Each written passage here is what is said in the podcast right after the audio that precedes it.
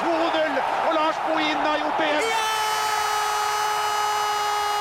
Dagny Melgren, Norge! You boys took a hell of a beating. Hei og velkommen til en eh, ny episode av det som foreløpig og fortsatt heter NFFs uh, podkast. Den andre episoden spilt inn eh, 3. januar, og vi har jo da et eh, knippe fantastiske gjester med oss, i tillegg til Fjørtoft. Godt nyttår til deg. Takk for det. I like måte. Så har vi Caroline Graham Hansen. Velkommen. Takk. Hege Jørgensen, leder i Serieforeningen for uh, kvinnefotball. Yes. Har dere hatt en fin jul? Ja, jeg har kosa meg veldig, i hvert fall. Ja, du har jo vært det. har vært i Det indiske hav, så Ja. indiske hav, Maldivene. Har du vært på ferie? Ferie. Det går så bra med kvinnefotball nå. De drar så langt. Det er så mye penger i kvinnefotball. Nå drar de til Det indiske hav. Altså det, Jeg har aldri sett flere eksotiske bilder gjennom jula. Det var ikke bare Karoline, det var mange andre. Nei, fra spøk til revolver. Vi skal snakke om, eh, vi skal snakke om eh, kvinnefotball. Vie sendinga vår til det. Både toppserien her hjemme, landslaget, det som skjer eh, ute. Det skjedde jo fantastisk mye bra i 2017. Og så er spørsmålet hvordan eh, veien blir eh, videre. Men før vi går i gang med det, så må vi jo da eh, erkjenne overfor lytterne at vi inviterte de til å komme med navneforslag til vår podkast. Det gikk akkurat som frykta i Norge. Ja, det var mye Sopranos, Mafiavenner, eh, Bredde var vel det et forslag. Jeg mener jo Det var en utrolig klok fotballmann som har stor erfaring i norsk fotball, som foreslo podball. Høres ut Nei. som Pogba. Ja, men Pogba vi har jo litt sånn Hva var ditt forslag, da? Du hadde jo et på bakrommet her. Tullball siden 1902. Det skal jo sies at NFF ble stifta i 1902, og vår fremste profil på kvinnelandslaget vil at det skal hete tullball siden 1902. Du sa jo at det skulle være litt uh, politisk ukorrekt. Altså. Ja, det er Så da, Det er riktig. Nå må du ikke begynne å slakte meg før forslaget er helt før vært gang. Nei, det, er helt riktig. Ja, helt riktig oppfatta, Karoline. Og det kan til og med hende noen vil hevde at det er en presis oppsummering av NFF siden 1902. Det vet ikke jeg. Men vi må jo presentere gjestene litt nærmere. og Hege, du tok eh, kvinnefotballen og media med storm i 2017. Men først din fotballbakgrunn. Hvordan ser den ut? Um, Den er jo brokete, kan man si, egentlig. Det starta jo på et lite skjær ute på Helgelandskysten. Um, og så enda det jo opp i Kolbotn eh, til syvende og sist. Um, så jeg fikk jo et par sesonger i toppserien, og har jo til og med vært med på cupfinalen på Ullevål stadion. Det er jo ei stund siden. Og hvordan gikk det? Nei, vi tapte, men det var ikke så farlig, fordi vi fikk eh, brus i, i, i garderoben. Og det var helt, helt fantastisk, og det, det spilte ingen rolle. Trine vært- Rønning fikk sitt store gjennombrudd faktisk den kampen. Mm. Tapt mot Trondheim. Trondheimsøren. Mm. Og så har du vært lidenskapelig opptatt av fotball, og etter hvert av kvinnefotball eh, spesielt i hele ditt liv. Det har jeg. Det har vært en, en interesse siden jeg var liten. Det er helt uforklarlig, egentlig. fordi at Søstera mi så på opera og var veldig opptatt av musikk, mens jeg så på Tippekampen. Og sånn har det egentlig vært. Og så har det jo vært Når du blir en del av denne idretten, så er det umulig å, bli, å ikke bli glad i den. Så det har vært en, en livsstil siden jeg ja, begynte ordentlig aktivt. da, når jeg flytta til, til Sandnessjøen og gikk på videregående og fikk med et lag å spille på så, um, så har det vært noe jeg har, har brent for egentlig siden da. Karoline, landslagsspiller og proff i Tyskland i Wolfsburg. Men du, eh, når du er hjemme på juleferie og ikke da er i de eksotiske strøkene vi var innom, så er du ikke langt fra Ullevål stadion. Nei. Jeg er jo født og oppvokst på Ullevål, så um, dette er jo min bakgård, som man kan kalle det. Um, så ja. Det, Skal du kort ta oss gjennom uh, fotballkarrieren så langt? Jeg har begynt i Lyn, spilte der med gutta fram til jeg var 15. Så dro jeg til Stabæk, spilte der eh, i tre sesonger. Og så spilte jeg et liten svipptur innom Sverige. Eh, og så tilbake til Stabæk, og så for å fullføre skolen. Og var kaosklubb til tusener. Og så, ja eh, Har jeg vært i Tyskland siden 2014-sommeren. Du nevnte Lyn. Klare for uh, toppserien i år. Morsomt. Det er veldig gøy. Uh, jeg syns det er veldig gøy at det endelig er Lyn Vålerenga igjen. Så får håpe at de kan uh, lage et nytt spøkelse der. Det, det som er litt spesielt med de to gjestene vi har, det er jo det at Hege er jo mer typisk for hva som har blitt fotballspiller. Hun sier at hun kommer fra et lite skjær. Og de fleste fotballspillere i Norge har fostra har jo kommet fra et lite skjær. Så at uh, Karoline kommer fra Oslo, det er jo nesten det er jo ikke vanlig at landslagsspillere kommer fra Oslo. I den perioden da Drillos eh, herja, så var jo ikke det spillere fra Oslo på 10-15 år. Så det var mer eh, regelen. Men det som er veldig morsomt med Karoline, det var jo det at jeg har jo en sønn som er 24. Eh, eller 23 er han vel nå. Og, og, vi reiste rundt med kretslaget. og da så vi denne lille, store jenta som var bare utrolig bra fotballspiller. og Man kunne se Det er jo snakk om barnestjerner og hvor når er det folk blir gode. og Det er ingen regel for det. Og Du var jo litt unntaket som bekrefta regelen, for du var jo veldig veldig god for du var veldig veldig lita. Ja. Og det var helt fantastisk å følge henne blant uh, alle guttene. Spilte vel sammen med Mats Dæhlie? Ja, jeg spilte med Mats Dæhlie. Det er jo mye forskjellig som har skjedd opp igjennom. Eh, men jeg ble jo ekskludert fra min årgang i Lyn pga. en trener som ikke likte meg. Så det gjorde at jeg fikk spille med de som var ett år eldre. Og så var jeg jo en del av den gruppa på hospitering allerede. Men uh, da fikk jeg jo trene fast med dem hele tiden. Så Hvor gammel var du da? Da var jeg 14. Ja. Hvorfor likte ikke han det? Gudene veit. Han mente at jeg var dårlig innflytelse på gutta. Ah, som uh, lyntrener og lagleder i Lyn, så høres jo dette lovende ut. Det var, så det var én jente i det guttelaget, og, og, du var dårlig innflytelse på dem? Ja. ja. vi får ta en tur opp på Kringsjå sammen etterpå. Så, men da var jeg veldig heldig, så var det Lars Petter. Han tok, uh, sa at nei, han mente at jeg også var god nok for å være med 94-laget. Så det endte med at til slutt så klarte jeg å spille meg til en plass på det laget. Så det var en sånn utfordring. Det ble ikke så mye kamper den sesongen med gutter, men jeg fikk prøve meg en del turneringer. Og så året etter så var det andre trenere på 95-laget igjen, og da fikk jeg mer matcher igjen. Så uh, alt i alt så gikk det jo bra til slutt. Men uh, det var jo morsomt. Statement der, altså. ja, men sånn at man liksom Jeg datt jo ikke av på veien, liksom. Nei. egentlig det jeg tenkte på når jeg sa det. Så Lene, Vi skal snakke mer om din uh, karriere etter hvert, men la oss se tilbake på fotballåret 2017.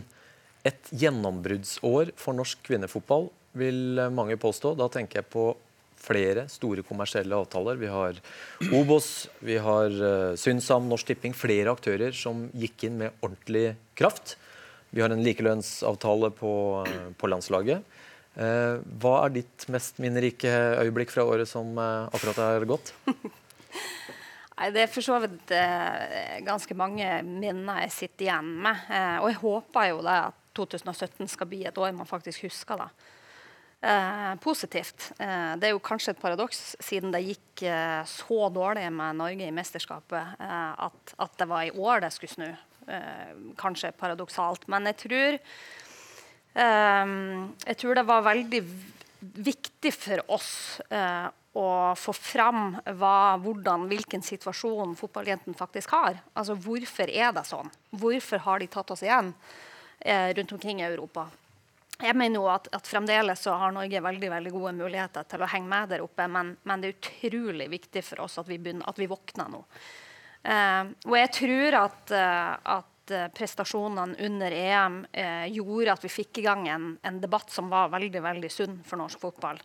Eh, fordi at det, det, hjelper ikke å fornekte, det hjelper ikke å, å, å hva jeg si, ja, ja, fornekte det som skjer ute. Det opplever jeg at vi har gjort i, i norsk fotball i mange mange år, og på herresida.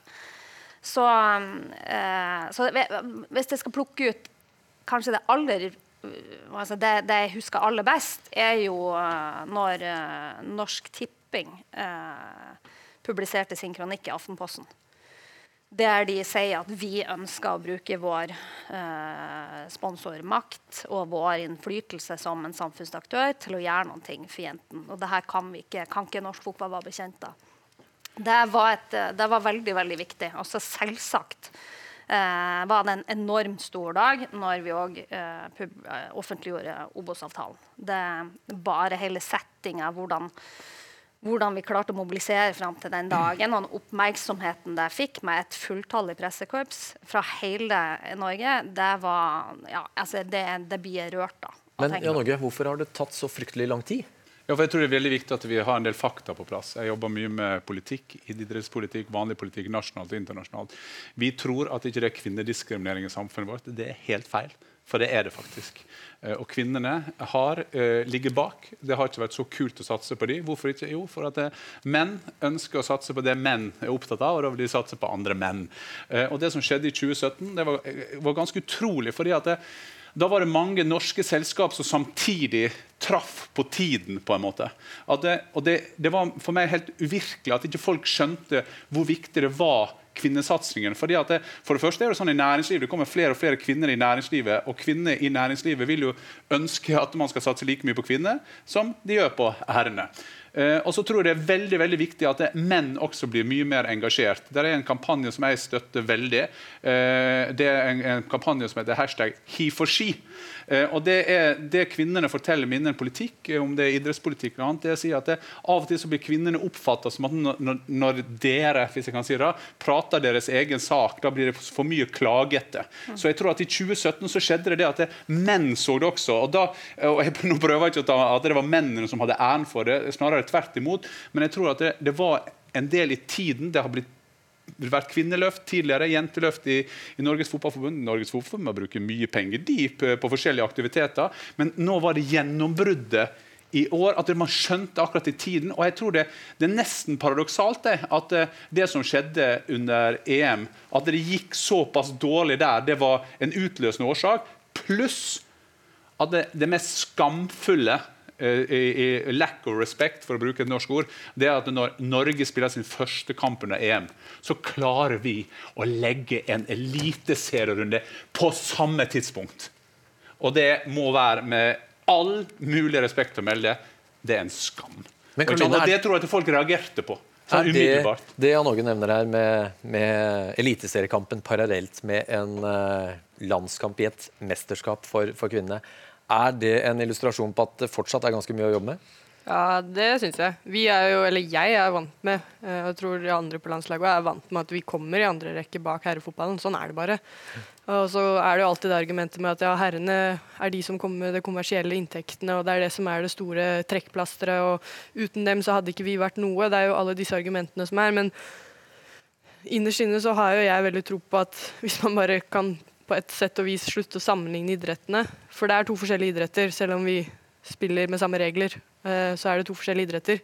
Og hvis man på sett og vis kan la det være det også i det markedsføringsveien, og det var jo det som skjedde litt i 2017, at, 2017, at vi fikk lov til å kommersielt også være vår egen greie. Da. Og da beviser jo Obos at det er mulig, og så får vi håpe at disse midlene kommer og blir, gjort, blir brukt på riktig måte, sånn at det, det, det, ikke stopper om fem år, men at vi har flydd av sted og er et helt annet sted om fem år. Uh, og så ble det litt sånn for oss da, med det der, uh, at den tippeligarunden så blir jo litt sånn ja, sånn er det. vi kan ikke bruke energi på det fordi vi er så vant til at det er sånn NFF alltid har gjort. Og, Men akkurat det der det er det der som er skummelt. da, mm. Fordi, at, fordi at man har vært Men det er sånn, vi, har jo, ja, vi, er lik, vi er likegyldige fordi det, vi er vant til at det er så mange som snakker vår sak ned da, innad i forbundet. Og hvorfor skal vi da på en måte sitte der og snakke mot? Vi var jo et mesterskap, vi fikk ikke gjort noe med det. Forbundet hadde ikke tenkt å gjøre noe med det. Så hvorfor skal vi da stå og klage i media? Vi blir jo bare sett på som sytepaver uansett. Eh, litt sånn som du sier. Eh, så det, da ble det litt sånn at ja, vi er vant til det. Eh, vi får ikke gjort noe med det. Og det var ikke noe vits for oss å bruke mer energi på det enn det det måtte. Det var noe som var bestemt for herrens år siden. Var, altså, Både sånn av NFF og NTF er jo viktig å si. at mm. Norsk toppfotball var jo også en del av det. Men jeg tror at en av de mest spennende tingene jeg fikk være med på. bare for å oppfølge en liten replikk på det du sier der. Jeg var manager for landslaget et par-tre år der vi skulle prøve å få landslaget tilbake på på, på, kartet, på organisasjonskartet. Og da En av de tingene vi gjorde, da, Svein, vi var jo med på det, det var jo å knytte kvinnelandslaget nærmere herrelandslaget. Mm. Og jeg var så egoistisk at jeg mente det var bra for herrene. Mm. For det var bra for oss at vi blir assosiert med dere. Altså, det norske kvinnelandslaget har altså produsert eller norsk kvinnefotball, eller norsk fotball, alt dette som, de har altså produsert i Karoline og Ada så har de produsert noen av verdens beste fotballspillere, som er et forbilde for mange. Og også den ydmykheten dere har i forhold til eh, sponsoroppdrag, eh, måten å fremstå på i media. Jeg mente at det var en fordel for herrelandslaget. Og, så, og, og, og jeg tror at det, den tingen der, at jeg tror at det er veldig viktig for NFF. og Jeg hater ordet fotballfamilie, for da er vi tilbake hos Sopranos. Men jeg, jeg tror det er veldig viktig for fotballen at det, vi blir sett på ett. Og så, så sier du så er det likevel en annen idrett.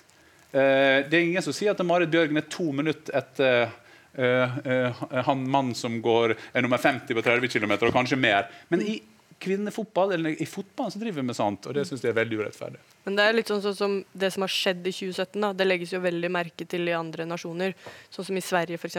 Så er det sånn Det som jeg syns er så bra da, med å spille på det norske landslaget, er jo at vi har jo en helt annen kontakt med herrelandslaget. Og de har en sånn likegyldig, altså ikke likegyldig, men likeverdig respekt for oss. Og det har jo vi alltid hatt overfor dem, men de viser den til oss og Det gjorde de også med den gesten som de bare Ja, men sånn er det bare. Eh, Vi gir dere penger. Eh, Det er ikke noe snakk om. Vi har det bra. Så har jo Sverige prøvd å få til det samme, og der har jo bare alle spillerne på herrelandslaget unnviket spørsmålet på hva de syns om det, og bare Nei, det er ikke opp til oss. Så det, kulturforskjellen er veldig stor på uh, hvordan herrene på landslaget i Norge ser på oss. da, Og det er noe som jeg er veldig takknemlig for at det er sånn, og at eh, jeg er veldig sånn glad og veldig stolt over å få lov å være norsk og si at jeg spiller på Norge. Og jeg tror herrene vil si at de på en måte er like stolte, og vi ser på hverandre som én landslagsgruppe, mer enn at vi er to forskjellige landslag. da. Det er i hvert fall litt min følelse av hvor vi har kommet hen etter 2017 nå. da. Det syns jeg er veldig kult å være med ja, på. men det er akkurat derfor. Det er det som er gøy, da. Hvis at 2017 var det som gjorde at, at det er blitt sånn. Jeg tror jo òg at, at eh, herrespillere i Norge stort sett har, har veldig respekt for, for eh, jenter som spiller fotball. De har, de har oftest trent med jenter, og de har gått på skole med jenter, og dermed så, så får man en helt annen type respekt for, for dem. Men det som har vært mener jeg litt sånn farlig, da. Det er å liksom havne inn i et, en sånn type eh, rasjonal eller logikk som gjør at, sånn som du sier, da, at vi er vant til at det er bare sånn det er. ikke sant? Og man har òg forklart Uh, at det er sånn det er med markedskreftene hele tida. Og det gjør jo at for det første så tenker man at når man får hele tida høre at kvinnefotballen ikke har kommersiell verdi, og at landslaget jentene ikke har noen kommersiell verdi, så blir det en selvforsterkende rasjonale da, som blir skummelt. Altså, da, da blir det sånn at det, Den klarer man ikke helt å komme seg ut av. Det blir en sannhet. Det blir en sannhet, og, og, og jeg syns jo nå i vår var jo en av de første tingene som jeg spurte markedsavdelinga når jeg begynte i min jobb. Jeg har jo bare vært i min jobb i ni-ti måneder. Men, men da spurte jeg eh, markedsavdelinga om, om hvem, hvilke fem eh, landslagsspillere, uavhengig av kjønn, vurderer dere har størst markedsverdi. Og da var, da var du og Ada på topp tre. Altså Karoline Graham Hansen og Ada Hegerberg var på topp tre. Eh, og Likevel så klarte man ikke helt å komme ut av det rasjonale der. da. Men det opplever jeg har skjedd nå i løpet av 2017. Og det er kanskje nesten det aller viktigste. At man, For det første så har kvinnefotball en kommersiell verdi. Selvfølgelig har det det. Den største idretten i verden. Jenteidretten i verden og i Norge. Eh, vi har noen av de største profilene. Eh? Og, og, eh, og vi har sett at det er kommersiell interesse. Eh, det har vært veldig viktig for 2017. Men hvis vi eh, holder fast i det potensialet, så vil jo noen si at når vi ser forrige mesterskap og fulle tribuner nok en gang, som det har vært mange mange mesterskap, så ja, utvilsomt potensialet er der. Vi ser eh, oppmerksomheten Ada, Karoline og andre får ute i sine klubber. Men er det en annen hverdag fortsatt i toppseriene her hjemme? Er potensialet det samme der? Potensialet er, eh, er stort i toppserien nå. Eh, men jeg tror at hvis vi skal få ut av potensialet, så må vi investere nok i toppserien. Eh, og jeg er i hvert fall av den oppfatning at klubbhverdag og, to topproduktet i Norge eh, må opp hvis vi skal få det her til eh, videre. Og det, og Bare det, kutte lag. Det er evig diskusjon, men det er Jo, det jo, eneste effektivt men- effektive man kan gjøre i starten. er bare kutte lag, for da blir det flere gode spillere. Ja, I dag er det tolv. Er det et tema, Hegge, blant det, eh, klubbene? Det, det er jo selvfølgelig et tema. Det har det vært lenge. Og vi, eh, og egentlig så er det forbundet som har, eh, har uh, sinka den prosessen. Vi har jo vært Hvordan da? interessert. Nei, Vi har vært interessert og prøvd å, å oppfordre Fotballforbundet til å sette i gang en, en prosess rundt det. veldig Men gjør ikke du er veldig vår. lett, da? Vi gjør ikke det veldig lett, da? Det er veldig gøy. Du representerer jo eh, ikke sant, alle klubbene, og det er jo sånn at det, kalkunen stemmer jo mot jul. Ja. Altså, så de, så, så de som er, det er jo samme som når vi skal få ned antall lag i, i Eliteserien. Så vil jo de som er akkurat imellom Rosenborg vil jo si ja, men de som er midt imellom, er, er ikke det like stort ansvar for det? da? Hva skal forbundet gjøre? For de må jo ut Nei, i klubben? men Dette er det er noen formalitet det formaliteter her. Jo, men, okay. men, men for å holde fast på det, Dette er jo noe et fotballting. altså Ja, ja. Fotballmedlemmene, Ja. klubbene må mene noe om. Og Hvis det er sånn at flertallet i toppserien ser at det beste for den sportslige utviklinga, det er å gå ned til ti eller åtte lag. Hvorfor foreslår man ikke det og får et vedtak på, på tinget? Hvorfor er det forbundets ansvar? Vi ønsker jo å hvile oss på de formalitetene som er. Og formalitetene rundt en endring i seriestruktur er følgende. Forbundsstyret oppretter en seriekomité. Den seriekomiteen gjør et, et grunnarbeid, kommer med en, et forslag til endring eventuelt til forbundsstyret. Og så er det forbundsstyret som eh, legger fram det på tinget. Og Det- 63 år senere så reduserer Ja, du ja. to, to lag. men, men, og vi kan ikke gjøre noe annet, mener jeg. Det er klart at, at enkeltklubber kunne ha gått opp og, og, og foreslått en, en endring, men, men, men Hva det syns vi er en dårlig? Hva prosess. har avstemninga vært i toppserien? Avstemninga i toppserien og førstedivisjon er at vi må se på seriestrukturen. Vi er ikke kommet lenger enn det, fordi at vi har venta på forbundet. Som skulle, som skulle- ja. Men, men Karoline, du er tydelig på at uh, færre lag det er avgjørende for sportslig utvikling, for å bedre nivået. Ja. Hvorfor det? Du må forklare oss det. For det er ikke alle, ja, det det. er ikke alle som skjønner det. Fordi at det, for det er noen som sier, Jeg var jo leder i Lillestrøm da vi trodde at det, alt vokste til himmel. Altså Alle skulle ha verdens største stadion. Det var jo nesten så vi skulle ha 22 lag. Mm. Ikke sant? Eh, Men du, Forklar hvorfor du ser det som talent og god fotballspiller. Fordi det er veldig mange spillere som spiller toppserie når de er 15 eh, og 16. Eh, og så når de kommer til de er 20, så slutter de. For det er ikke noe mer penger å hente, og de kommer ikke noe lengre vei, og de har spilt førstelagsfotball i fem år. Uh, og da mister vi som landslag og som nasjon vi mister veldig mange spillere på veien. Si at de da hadde måttet spille førstedivisjon fram til de var 20, og så ser de at ja, men jeg har lyst til å satse videre, så er det jo fortsatt et nivå til i Norge de kan gå på. Eh, Men det er det veldig få, eller det er veldig mange som detter av på veien nå. Da. Og det gjør at vi nå på landslaget vi har jo enkelte generasjoner som the last generation, som vi kaller det. Altså det er bare én eller ingen spillere fra disse generasjonene. Og det er den generasjonen som på en måte skulle båret landslaget nå. Den er borte. Og det er mye pga. det som har skjedd her. Folk velger studier framfor fotball. Og det er fair enough, men det er fordi de har slutta når de er 20. De slutta ikke når de var 25. Det- Tankekors, Hegge? Ja da, men, det, men jeg, det er liksom en viktig argument. da, og Det kan godt være det er sånn man sier at ja, klubbene som er i bånn, vil jo alltid stemme imot, fordi da mister jo de noen inntekter, og de havner en divisjon under. Uh, men uh, det er liksom sånn, jeg føler at NFF skylder på, på klubbene, og klubbene skylder på NFF. Så jeg, f- altså, hvor vanskelig kan det være å bare gå sammen om å lage en god løsning? Vi har, Er fot, vi har fotballting i mars, Karoline. Skal vi invitere deg her nå? Ja, jeg kan godt eh, preke, preke for det, men jeg føler at liksom til syvende og sist så må jeg liksom Hvis klubben ikke vil, så får man jo ikke tvunget gjennom noe. Det er jo ikke Italia og Spania hvor man bare kan kjøpe, og England hvor de bare forbundet skjærer gjennom, og sånn blir det. Eh, fordi vi har valgt å gjøre det på den politisk eh, korrekte måten i Norge. Og så jeg- er det flertallet som bestemmer, men jeg føler at det man står litt og skuler på hverandre og skylder på hverandre her, da. Det er opplever, min opplever, det oppfatning av opplever det. ikke jeg i det hele tatt. Men jeg opplever at, eh, at ting går eh, for seint. Sånn som mange andre ting i fotballen. Altså, det er det jo ikke noe tvil om at det er ting vi ønsker i fotball skulle ha gått fortere. Og så har ikke jeg jeg har jo ikke konkludert på om vi burde det eller ikke. Altså om vi burde kutte lag eller ikke. fordi at det jeg, altså det jeg er opptatt av, er at vi må gjøre en ordentlig jobb. Vi må se hva er konsekvensene hvis vi gjør det. Hva blir konsekvensene for, for enkelte deler av Norge? Altså, sånn som I dag så er det altså seks toppserielag som er i Oslo-regionen. Eh, sånne ting må man ta i betraktning. Men, men jeg, eh, altså jeg, jeg ønsker at man skal gjøre en ordentlig jobb, og at man skal ha fortgang i den prosessen. men bare et Det- eksempel. det det hvis, jeg, hvis jeg husker rett, og nå må jeg ta et lite forbehold Jeg husker for noen år siden Fart var i toppserien. Da mener jeg at de endte opp helt uten poeng gjennom ja, en sesong. Det stemmer. Og da trenger man kanskje ikke så mange seriekomiteer for å se at eh, det er for stort sprang mellom de som hører hjemme i toppserien, og de som ikke har noe der å gjøre fordi at de ikke er sportslig gode nok. Har eh, fart noe glede av det? Har Stabæk, LSK Kvinner noen utvikling av å spille mot et lag som altså ender opp uten poeng?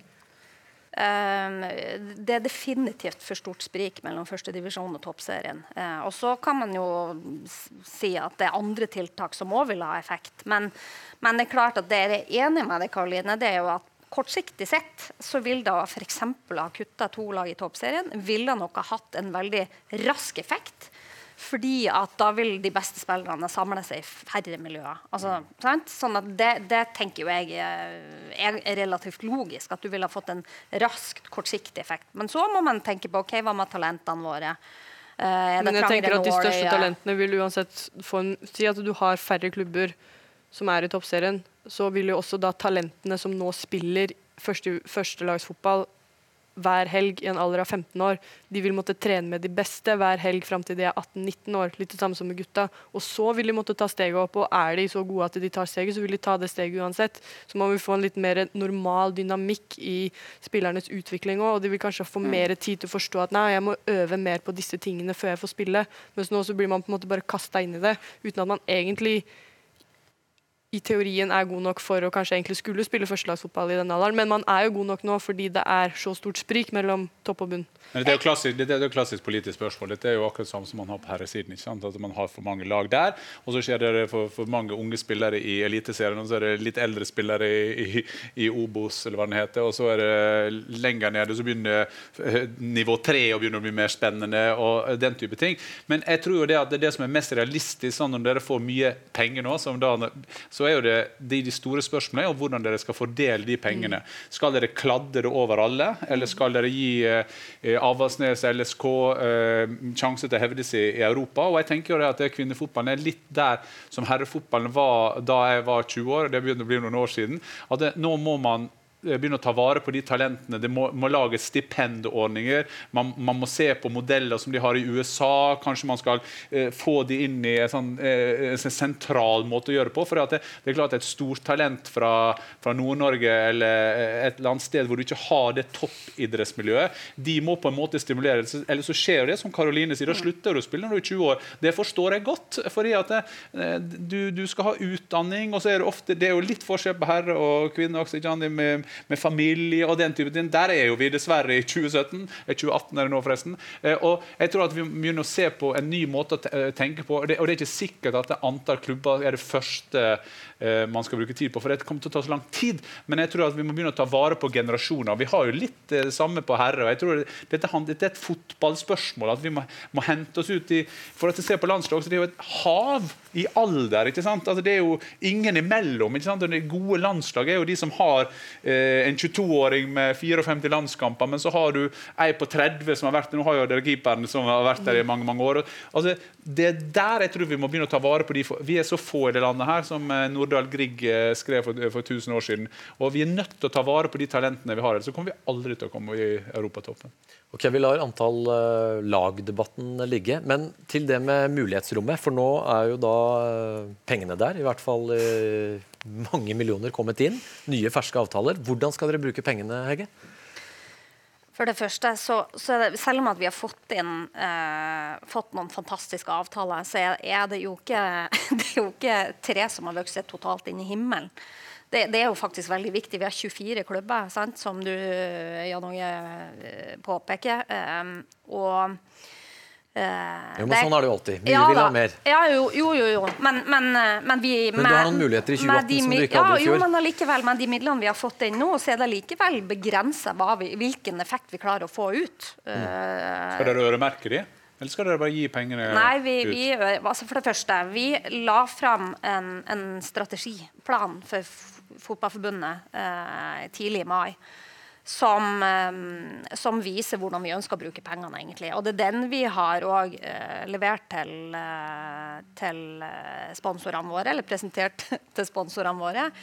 Uh, og det er den vi bygger på. Vi har forankra den blant klubber. og det, det, det, viser egentlig fire forskjellige satsingsområder. Det ene er talentsatsinga, som du sier er, den brenner enormt for. Det andre er jo en profesjonalisering av toppmiljøene telefonsvarskriver. Det er ikke min telefon. Si. Hvis, hvis noen lurer på hvorfor Hege stopper Nei, Hege var punkt nummer én. Det var talentet. Det var bra. Vi er live. Bare forklare lytterne ja, at eh, vi hører i hvert fall en uh, hysterisk uh, pacemaker-lyd. Det gjør sikkert ikke lytterne, så bare fortsett. Én Hege var talent. Ja. Nummer to er profesjonalisering av uh, toppmiljøene våre. Uh, det betyr jo at vi ønsker at jentene våre skal ha en helt annen hverdag enn en det de har nå. Kjøpe de fri til trening, eksempelvis? Fra, eksempelvis. Mm. Eh, ja, og et mer profesjonelt støtteapparat. Eh, de tingene der. Og så er det noe som er veldig viktig, og er kommersialisering av produktet vårt. Det er ekstremt viktig. Så vi kommer jo til å prøve å legge ned en del ressurser i det. Eh, så, eh, så vi ønsker jo nå å Sannsynligvis så, så blir det en øremerking av, eh, av midler mot marked og mot sport, både på topp og talent. Ja, for Når man får inn disse avtalene sentralt, så er tankegangen at hver enkelt klubb i fremtiden også må kunne klare å eh, inngå avtaler og, og, skaffe høyere inntekter enn de har gjort frem til nå? Ja, og så har jo, blir jo det her igjen da, sant, sånn type ond sirkel man aldri kommer seg ut av. fordi at det er jo Per dags dato så er det ikke én toppserieklubb som har en ansatt på, på, For å gjøre jobben, markedsjobben. Ikke sant? Sånn at Det gjøres jo i stor grad av frivillighet og av, av kanskje en daglig leder som har 40 eh, andre oppgaver. Så, så, vi tenker jo at for å, både for å klare å ivareta de avtalene vi nå faktisk skal landet, og, og at man skal klare å forvalte et, eh, et større eh, ja, lokalt, større omsetning lokalt, så, så tenker vi jo at, at det blir viktig. Uh, I tillegg så ønsker vi jo veldig veldig sterkt å få på plass flere spillerutviklere på jentesida. Det er jo et enorm forskjell på mulighetsrommet der på gutt og jente. Um, og så ønsker vi jo å prøve å øremerke til eksempelvis proffdager, sånn at uh, jentene får trent bedre. Det har vært et veldig suksessfaktor i, i Lillestrøm, og vi ser det jo internasjonalt òg, at man har en helt annen hverdag enn, enn det de har her. Så vi må prøve å gjøre hva vi kan for å, for å nærme oss det. Noe koster penger, noe koster ikke penger. Vi er jo sånn, vi, vi later jo som at vi er så utrolig bra trent i Norge. Altså Vi trener så mye og vi er så gode på alt. Og så kommer de spillerne som går ut om det er herre eller noen kvinne, og så får de helt sjokk. Eh, og Karoline, jeg kan jo høre med det da. Altså, når du gikk fra Stabæk og så går du til Wolfsburg, eller du går til tysk fotball, mm, eh, fikk, fikk, du helt sjokk, eller? Eh, jeg var jo forberedt Jeg hadde forberedt meg på at det, liksom, det kom til å bli veldig annerledes. Og det kom til å bli mye mer trening. Eh, men det var jo ekstremt mye mer trening enn det det var i Stabæk. Det var det jo. Men dette er jo en myte. ikke sant? For vi har sagt at det, ja, dette er jo en fortrinn vi har i Norge. For vi trener så godt og så mye mer. Men det er jo feil. Ja, altså, det, ja, det ser jeg husker Pesilla Skjebred dro fra Rosenborg, og Rosenborg det er treningsmiljøet. Og så kommer, kommer, de ut, og så får de helt sjokk. Og jeg tenker at vi må, vi må, vi må være enda flinkere til å jeg tror Dette handler om en sånn grunngreie som er i norsk fotball. Vi sitter her oppe, og de fleste som diskuterer fotball, har ikke pass engang. De har ikke vært i utlandet. Og så sitter de og mener noe om hvordan referansene er ute. Dra ut og se på intensiteten på treninga. Eh, nå, nå, nå, var det ekstrem, men jeg var og så på Barcelona, nei, unnskyld, Bayern München trener med Guardiola for noen år siden. på. Vet du, Jeg fikk helt sjokk den intensiteten som var på trening. Ja, det var verdens beste fotballspillere. Men den intensiteten som var på trening altså drar du sammen norske ledere ut og så ser du en trening, og så sier de er det ingenting å lære, for at her spiller de åtte mot åtte. Ja, men Se på hvordan de orienterer seg i forkant. Se på hurtigheten i spillet. Se på hvordan de slår og går. ikke sant? Og det er Sånne ting. Og jeg tror det er der det vi må tilbake for at vi skal få de referansene. Og det, Hege kan ikke gjøre alt. men jeg tror sånn som Karoline som har vært ute, og jeg tror jeg ser sånn som Kolbotn, der to stykker skal dele på, på en jobb. altså den, Å få med de som har vært De jentene her de har vunnet VM-gull, de har vunnet OL-gull. de har, eh, Karoline prøvde jo å tøffe seg litt på meg litt før her og lurte på hvor mange medaljer jeg hadde. Nei, nei, nei, jeg synes det var nesten litt mobbing. Men, okay. men, men, faktum er at Karoline har 33 landslagsmål. Hvor mange har du? Eh, ja, eh, ja. Da sier så Rune Bratseth når Mini sier han har flere landskamper, da sier Rune Bratseth alltid ja, men hvor mange gode? men du svarte ikke på spørsmålet. Nei. Men jeg, kan, 1-0 til Karoline. Ja, 1 til Karoline. Men det jeg har lyst til å spørre Karoline, hvorfor spiller ikke da verdens beste målskårer på landslaget? Når vi er så opptatt av å ha med alle få, så, så har vi altså verdens største, beste målskårer, og så spiller ikke hun på landslaget. Hva tenker du om det, Karoline? Nei, altså, jeg, jeg, skulle gjerne hatt med de beste på landslaget. det har jeg jo sagt også. Men uh, man kan jo ikke tvinge folk som ikke har motivasjon til å være med. Uh, så sånn sett så tenker jeg at da er det like greit at man ikke er med. Men uh, akkurat hvorfor, det vet ikke jeg noe bedre enn det som på en måte er blitt uttalt i media uh, om på en måte hennes personlige Men dere jentene har ikke noe problem nei, at Ada Hegerberg skal på landslaget? For nei, jeg, mener jo, jeg, mener jo, helt vi, vi vil jo liksom Man ønsker jo å ha med de beste, uh, og så velger man å ikke gjøre det.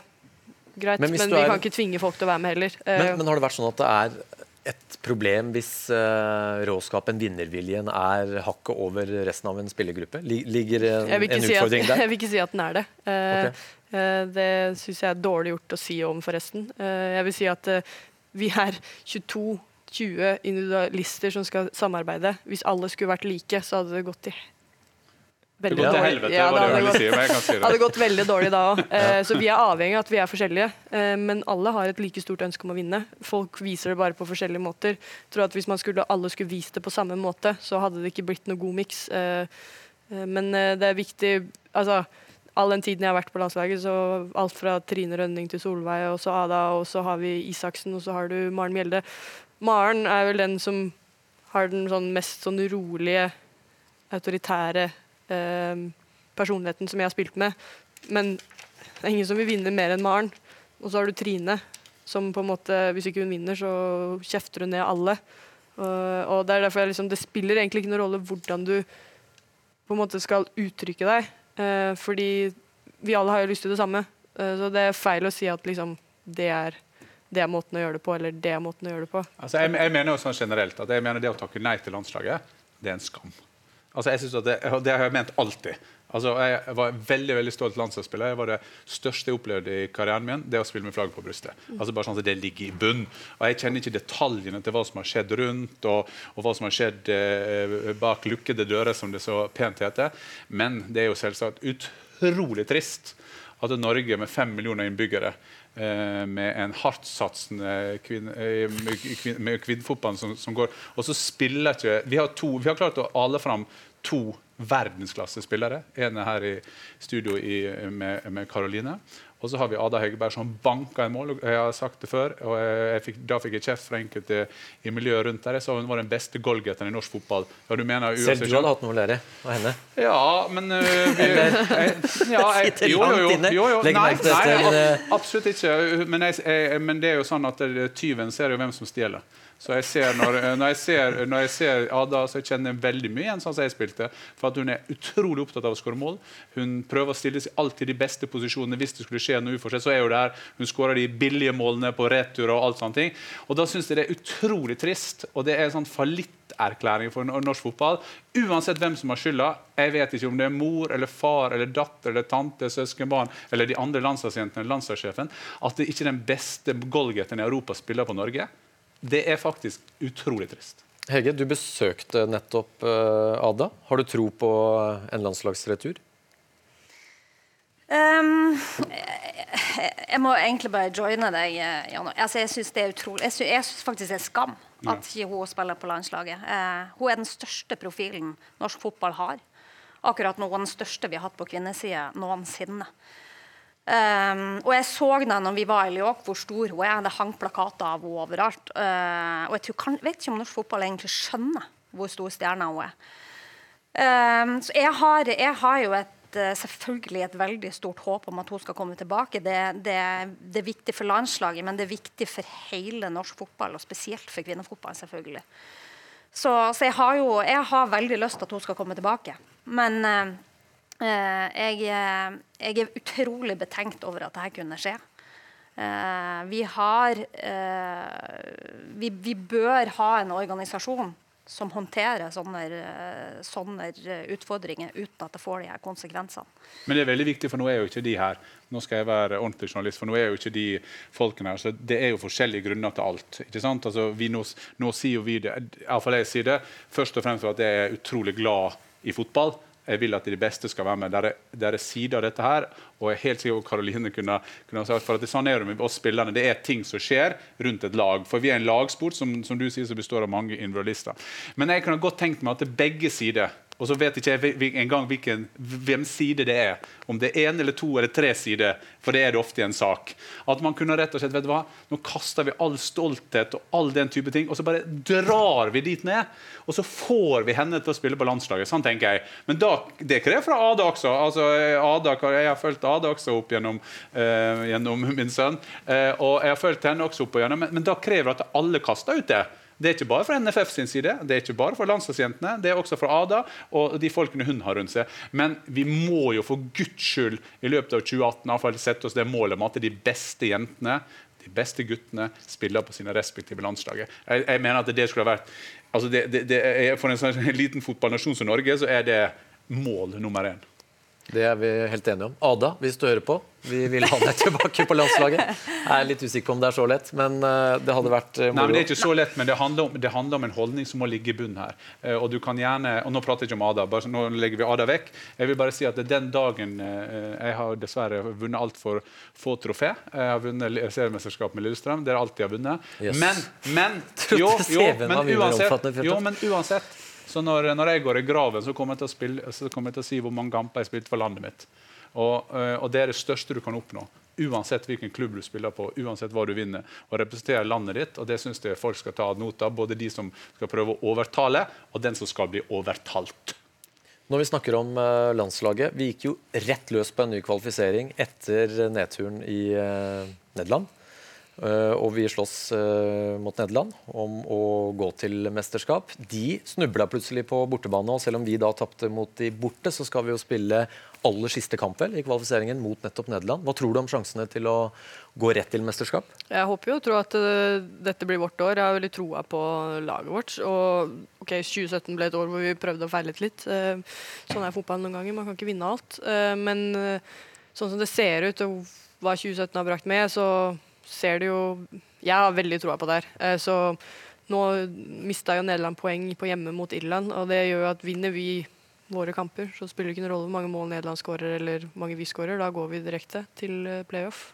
Så jeg har veldig troa på at det, det kommer til å gå vår vei. Og så er det gøy at vi har siste match hjemme mot dem. Så eh, det hadde vært veldig kult hvis det eh, var sånn at vinneren går, går til EM, eh, og at man hadde fått til det bra med folk på Ullevål stadion her og laget god ramme. Det, det er min drøm for 2018. Det er at man uh, får uh, Jeg vet ikke, jeg har lyst til å spille på fullsatt Ullevål. Det er jo min eh, bakgate. Jeg har jo vært og sett på kamper her hver søndag. med hele nabolaget, i hvert fall. Ja, ja men jeg, jeg har jo troa på at det kan komme ganske mange folk hvis vi bare er i den rette posisjonen. Så det, det er drømmen min, da. Det er jo én dag for å spille fullsatt Ullevål med flagg på brystet. Det er liksom min største drøm.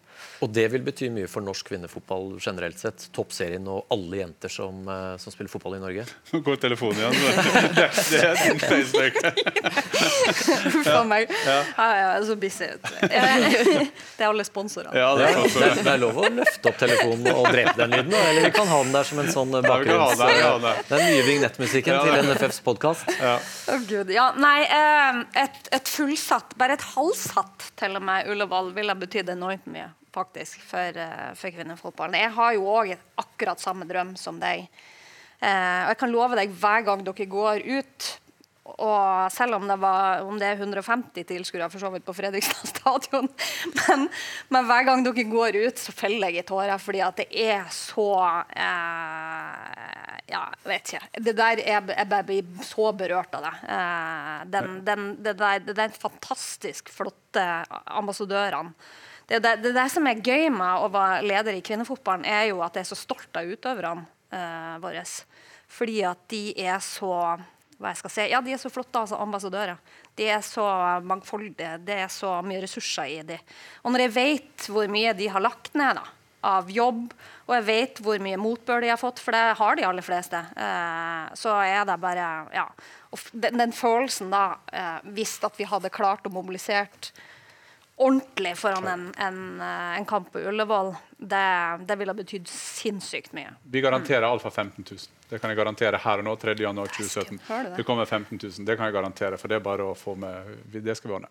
Eh, men, men, jo, jo, men det, jo, men det fikser vi. Det fikser vi. Men jeg tror det som er veldig viktig, og bare for å joine, som du sa, joine Hege på det hun sa, det er jo det at det, det er ikke bare at de kvinnelandslagsfotballspillerne er de er gode ambassadører for kvinnefotballen. og Det er litt viktig at det, det tror jeg 2017 har gjort med oss. At, eh, at eh, hva de enn heter, om det er Karoline eller Ada eller de andre på landslaget, de er fantastiske ambassadører for fotballen. Eh, og jeg tror at det, i en tid hvor vi er litt på sånn fattig blues på herrefotballen, så er det i hvert fall viktig. Og jeg vil, når vi nærmer oss jeg regner med slutten, så vil jeg også gi ros til Karoline. For det at det, Karoline i et år der ting gikk mot dere, og under EM, så fremstår du som en fantastisk bra leder. Og Det har jeg lyst til å si her når vi, har, eh, når vi blir eh, vitne på. For det, det er noe med også å, å, å, bygge opp et produkt. Det at du har folk som tør å stå i det. Uh, tør, tør, å være tøff i trynet og, og, prate litt mot, ta litt rom imot. Det er, det er, svært få ting her i livet som har blitt skapt av to stykker som er enige. Er det Fjørtoft du har lært det av, Karo? hun har jo da spilt to kamper hos meg på Skaugum, så det, det, det er jo der hun har fått det meste. Men, jeg men det så liksom viktig. hvordan han bar kapteinspinnet, så tenkte jeg at det, ja. det, skal jeg også gjøre. Ja. det var godt å høre. Du, eh, til slutt, Toppserien 2018. Vi snakka om Vålerenga i den forrige episoden. Eh, at det er spennende med den nye storstilte satsinga. Og siden den gang så har du jo signert Nederlands eh, kaptein også. Og nå nevnes de allerede i, i gullsjiktet. Er det en gullkandidat i, i dine øyne, Hegge? Eh, ja, det tror jeg. Hvis at de får inn et par klassespillere til, nå er jeg ganske sikker på at de får, så er de definitivt en, en utfordrer. Og det er så bra for kvinnefotballen at vi får eh, klubber sånn som det der, som virkelig går inn og satser. Og at man og, for det mener jeg faktisk er veldig viktig, at man henter utenlandske spillere av internasjonal klasse inn i norsk fotball. Det er viktig, det. Og så må Rosenborg gjøre sitt samfunnsansvar. Jeg så du det var du er i diskusjon med det, men altså, så må Rosenborg ordne sånn at de får et kundelag ganske kjapt. Og så er Lyn oppe, som vi snakka om. Da ja. blir det Lyn mot uh, Vålerenga. Jeg håper at Vålerenga rykker ned, jeg, da. Jeg håper at de driter seg skikkelig ut i år. Jeg er litt usikker på om det tipset Eller den øh, Nei, jeg, altså, jeg sitter her nå og liksom tenker, jeg kjenner sånn skikkelig hat. Så jeg håper at de bare Her har vi overskriftene! I det 45. minutt fikk vi å åpne podkasten. Ja, det, altså, det er mitt største ønske er at de rykker ned. Jeg, altså, skikkelig hat. Jeg er oppvokst med så skikkelig hat. Jeg liker ikke ordet hat. Men, ja, ja. Jeg, jeg, liker ikke ordet hat, men er det et sted jeg har lov til å si hat, så er det, når, ja. så er det Vålerenga. En liten digresjon. Jeg er jo Lynpappa, trener og eh, lagleder nå i, eh, i Lyn, men jobba i Vålerenga før. Og mm. der brukte vi prest Gelius til å begrave Lyn ja. i form av en radioreklame. Da ble det litt reaksjoner. Så ja, får vi se om du matcher reaksjonene nå. Men uh, litt ja, ekte jeg, rivalisering, det, det, det, det, tåler vi. Jeg tar det med stolthet. Ja, det, går helt fint. Er det aktuelt å flytte hjem og spille for lyd? Ja, det kan jeg gjøre. Hvis det hjelper uh, til med at Vålerenga ikke så er det greit. Da noterer vi en overgang. Må, Wolfsburg, Lyn. Ja, Champions League må vi uh... Ja, vi, vi, må, og det var siste punkt der, nemlig. For kvartfinale kvartfinaleventer for deg og Wolfsburg. Ja. Slavia Praha. Og så kan det, hvis dere gjør jobben, bli Chelsea og norskmøte i semifinalen. Ja. Hvor langt eh, går dere? Vi, vi fikk jo en veldig bra trekning. Slavia Prag var jo det antatt svakeste laget. Uh, så måtte man må, I semifinalen så er, møter man jo en av de uh, topp fire. er jo det man håper på. I år så har det blitt en sånn trekning at det skjer. Um, om det blir Montpellier eller Chelsea, det gjenstår å se. Eh, vi har jo møtt Chelsea de to siste årene, tror jeg, i Champions League, og da har vi vunnet begge gangene. Men de har jo vokst, de òg. De har jo virkelig klart å hente spillere og er et uh, virkelig satser. Uh, så det blir spennende hvis det er dem vi møter. Kanskje en reprise av Lyon Wolfsburg i en det finale? Håper jeg litt på. Jeg har lyst til å slå dem. vi, var, vi var nære i fjor, selv om det så ut som det var sånn grei skuring. Så det, hadde vi sinnssykt mange store sjanser i den andre omgangen bortebane som kunne ha gått vår vei, og det gjorde det ikke. Så da vant jo det beste laget sånn sett. Men eh, det hadde vært fint å få lov til å slå dem. Det hadde det. Det hadde vært gøy. Masse lykke til. Tida løper som vanlig veldig veldig fort. Klok av skade så hadde vi med oss stoppeklokka her nå. Vi ja. nærmer oss eh, overtid i første omgang. 47 minutter viser uret. Vi eh, landa vel ikke det formelle navnet, selv om Fjørtoft er veldig fan av eh, podball. En, en, en, kjent norsk fotballprofil har foreslått det. Podball. Podball. Det var riktig. Eh, og denne tullball. kjente profilen sitter ved min eh, side. Og tullball fra Ja, det, jeg vil jo si at tullball siden 1902 foreløpig eh, topper. Så til deg som hører på, send oss forslag. Hva skal NFFs podkast hete? Så får vi ta bare, den i du neste episode. Du kan jo bare tvitre med de milliarder av følgere ja, som du har, så har jo du vunnet allerede. Vet du hva, Jeg tror, jeg tror likevel at Tullball fra 1902 kommer til å vinne. og der blåser dommeren for første omgang. Hege, lykke til med toppserien og eh, arbeid videre i kvinnefotballen. Tusen takk. Fjørtoft, lykke til med alt høyt og lavt. Takk. Karoline, lykke til med både landslaget og Champions League kvartfinale. Vi håper å se deg i finalen. Ja, takk. Håper på det samme. Og takk til dere som hører på. Vi er tilbake før du aner det.